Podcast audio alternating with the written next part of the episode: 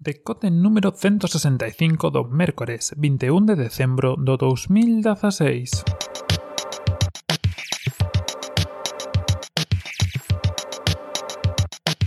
Bos días e benvidos a este novo decote. Hoxe imos falar dunha serie, xa falamos repetidas veces desta serie e sinto que esta semana vai a ser así tan eh, dicotómico, vai a ser tan de dous temas porque bueno, falamos de cine outro día, de Gasallos Onte, hoxe imos falar de series, que vai un pouco metido no, no empaque do cine e series, e eh, mañá falaremos outra vez de Gasallos, pero bueno, xa dun punto de vista máis persoal ou algo xa a miña lista, vamos a decirlo así, non é a lista que vou pedir eu, pero bueno, un pouco as miñas recomendacións e de cousas eh, que eu valoro que están ben e que os poden interesar. Así xa, con todo, eh, perfecto. Dito isto, metémonos de cheo en Firefly. Como sabedes, como xa vos comentei, eh, eu creo que en verán, xa falamos desta serie de series para ver en verán, eh, eran as que tiña aí, non puido ser en verán, pero, bueno, acabei na agora nesta semana que tiven de vacacións.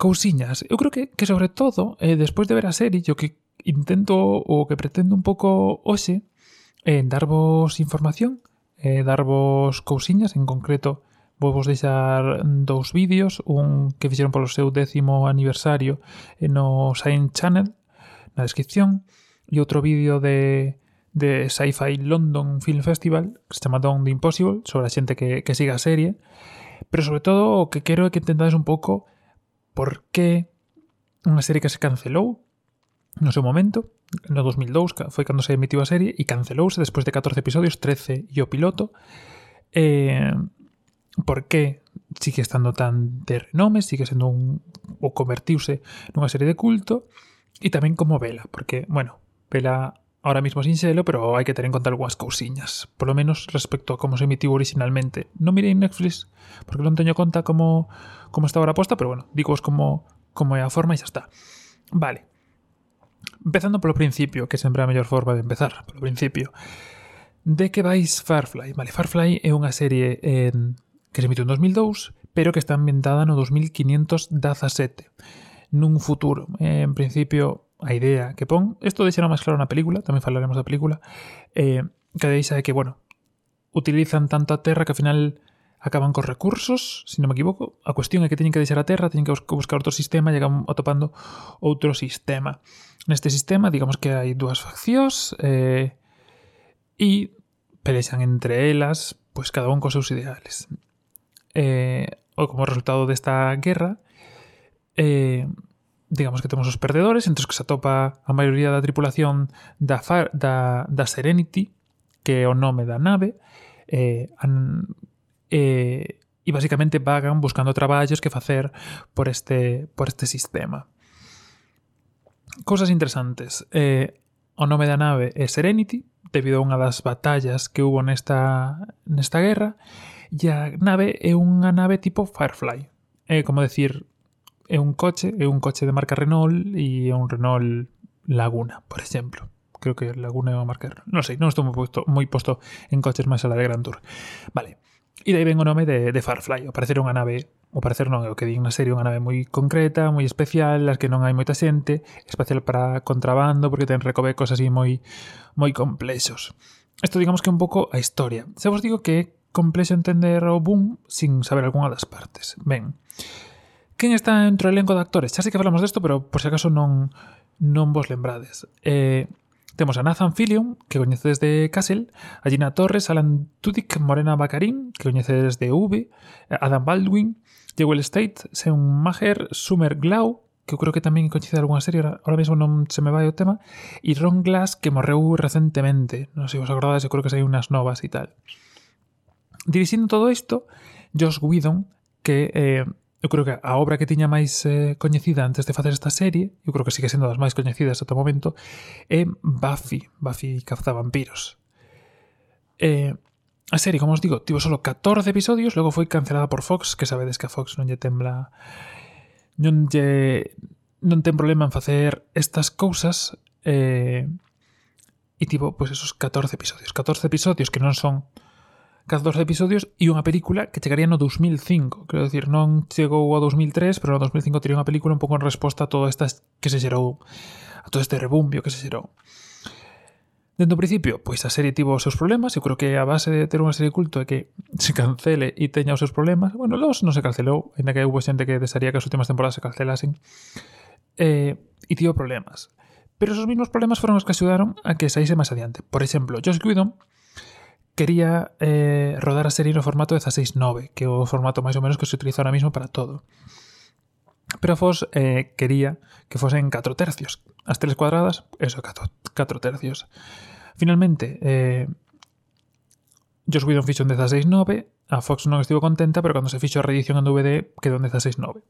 Isto axudou moito a un dos factores claves desta serie, e é, está moi cuidada, ten unhas cousas que eu vendo agora non, non digo, joder, esta serie ten 20 anos. Para nada. Que estén dezas nova axuda moito a, a que encaixen pois eso, no que vemos hoxe en día, non se nota tan anticuada, e logo os temas que tratan son temas xerais que se poden aplicar en calquer momento. Bueno, que se poden aplicar en calquer momento, pois son do típico da amizade, ese tipo de cosas tan xenéricas que ven postas e nun contexto concreto, pois entran ben, entran razonablemente ben, ademais, pois eso, ser poucos capítulos, pois moito mellor, xa que non, non se alongan. Ademais desta, outra das cousas que que resalta é que todas as son poucas personaxes, quero decir, non hai moitas tramas paralelas hai tramas paralelas e hai personaxes recurrentes po, de fondo, pero digamos que as relacións que se establecen entre estos actores que son as personaxes, que son as persoas que están na, na Serenity, eh, deixan non son claras, non son directas. Hai unha evolución de destas, destas persoas que están convivindo xuntas e iso axuda un pouco a querer saber máis. Hai moitos fíos que quedan abertos, evidentemente, como unha serie que se cancela, pois moitas das cousas que de outra forma chegarían a un punto de conclusión te quedan abertas.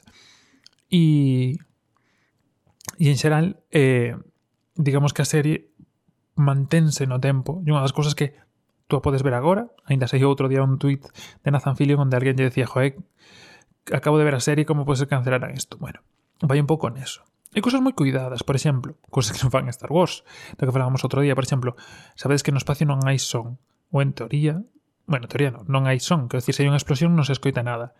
Esas cousas, por exemplo, Firefly si que escoita. Intenta explicar dentro do mundo da ciencia ficción como é eh, certas cousas para que teñan sentido. E en xeral está moi ben centrado, que axuda, pois eso, que que se poda convertir en culto porque non é tan caduca. Neste sentido sempre me recorda moito as intencións que tiña que tiña o escritor da, da Naranxa Mecánica, cando sabes que a Naranxa Mecánica ten como unha pseudolingua propia, eh, que pretendía que o libro vivise no tempo eh, xa que esta lingua manteríase pois, como propia e xeral. Non o consigue tanto, sin embargo, nesta serie, eh, que non ten nada que ver, pero bueno, un exemplo, sí que se consigue bastante.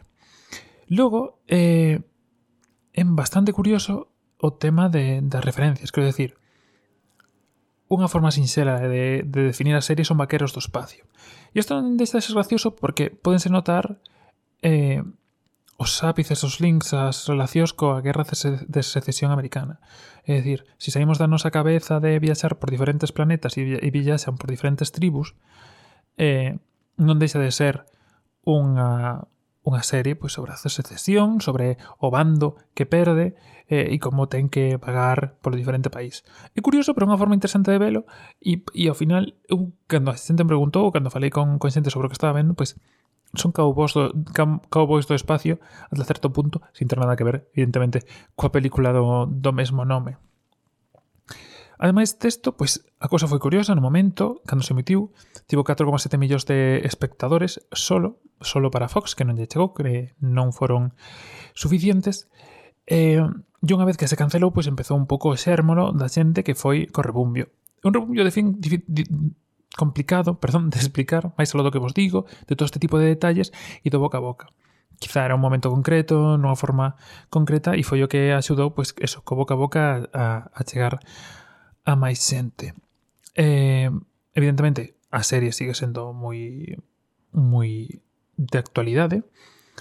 Eh, sigue tendo moitos seguidores, os que se chaman os Broncos, o sea, os, os eh, chaqueta marrón, Isto ten que ver coa distintiva chaqueta marrón que levaban tanto Zoe como Mal. Mal era Nathan Fillion, que era o capitán da nave, e Zoe era a compañeira que tivo no, na época da guerra, non compañeira sentimental ni nada por estilo, e que se mantén con el na Serenity, e que ambos levan unha, unha eh, chaqueta marrón.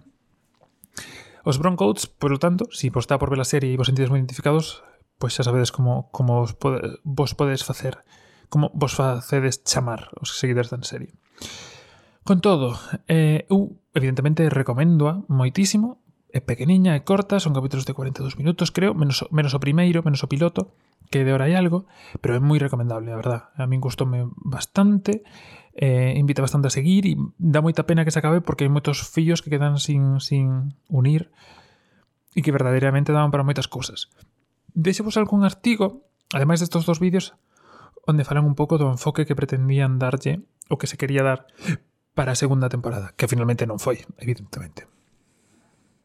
Dito todo isto, eh, como vela? Vale, ahora mismo, desde marzo, está disponible en Netflix, así que eu creo que a mellor forma de vela. Eh, creo que non hai outro servicio que a teña, así que Netflix, ir e vela. Temas que tens que ter en conta. A ordena que se emitiu, que, por exemplo, o piloto de último, yo que é o segundo capítulo de primeiro, non é a correcta porque realmente perdese moito. Entonces, bota de un ollo, mira en todos os sitios ben e mirade de horda correcta. Debería empe empezar por Serenity, logo asalto ao tren e logo xa, bueno, ide mirando, se si tes algunha dúbida, preguntadesme. Despois de todo isto, a película que se fixo despois de os tres anos, 2005, non é tan boa como a serie. Home, se viches a serie te gustou, vai te gustar, pero evidentemente o hype e os seguidores son pola serie. De todas formas, se si queredes vela, vedea ao final porque intenta pechar moitas cousas que quedan abertas na serie. Digamos que tedes que é un pequeno salto, pero está ben e está ben traído. E creo que non se me queda nada. Non sei se viste esa serie, se non, recoméndola para estos Nadal, xa que estamos. Eh, 14 episodios, 13 o piloto. Mira, dos ben a orde, porque senón sí que un cacao dos vos te darán Netflix, así que unha mellor, unha boa, un bo momento e unha boa ocasión para facelo e nada, comentádeme pois porque pensades que se convertiu nunha serie de cultos e pensades que o que dicen é así ou non, ou pensades que, bueno, ten grandes cousas e grandes misterios como outras series que como Westworld ou, ou Lost que fan ser unha serie de culto. Nada máis que me vou moitísimo. Tedes hoxe onte colguei, sí, onte colguei eh, un episodio de Overwatch, son moi cortiños, son un, un gameplay dunha partida, sei que son 8 10 minutos como moito, para que veixades un pouco de cada show, irei colgando, porque eu xogo e gustame gravalo, así que vou vos subindo. Deixo vos, como sempre, os enlace a newsletter, a todas estas cousas que fomos falando e as redes sociais no blog, en podcast.argue.net E nada máis por este, mañá volvemos con agasallos propios, neste caso, non hallos. E pouco máis, que teñades un bo mércores, un bo día, un saúdo e ata mañá.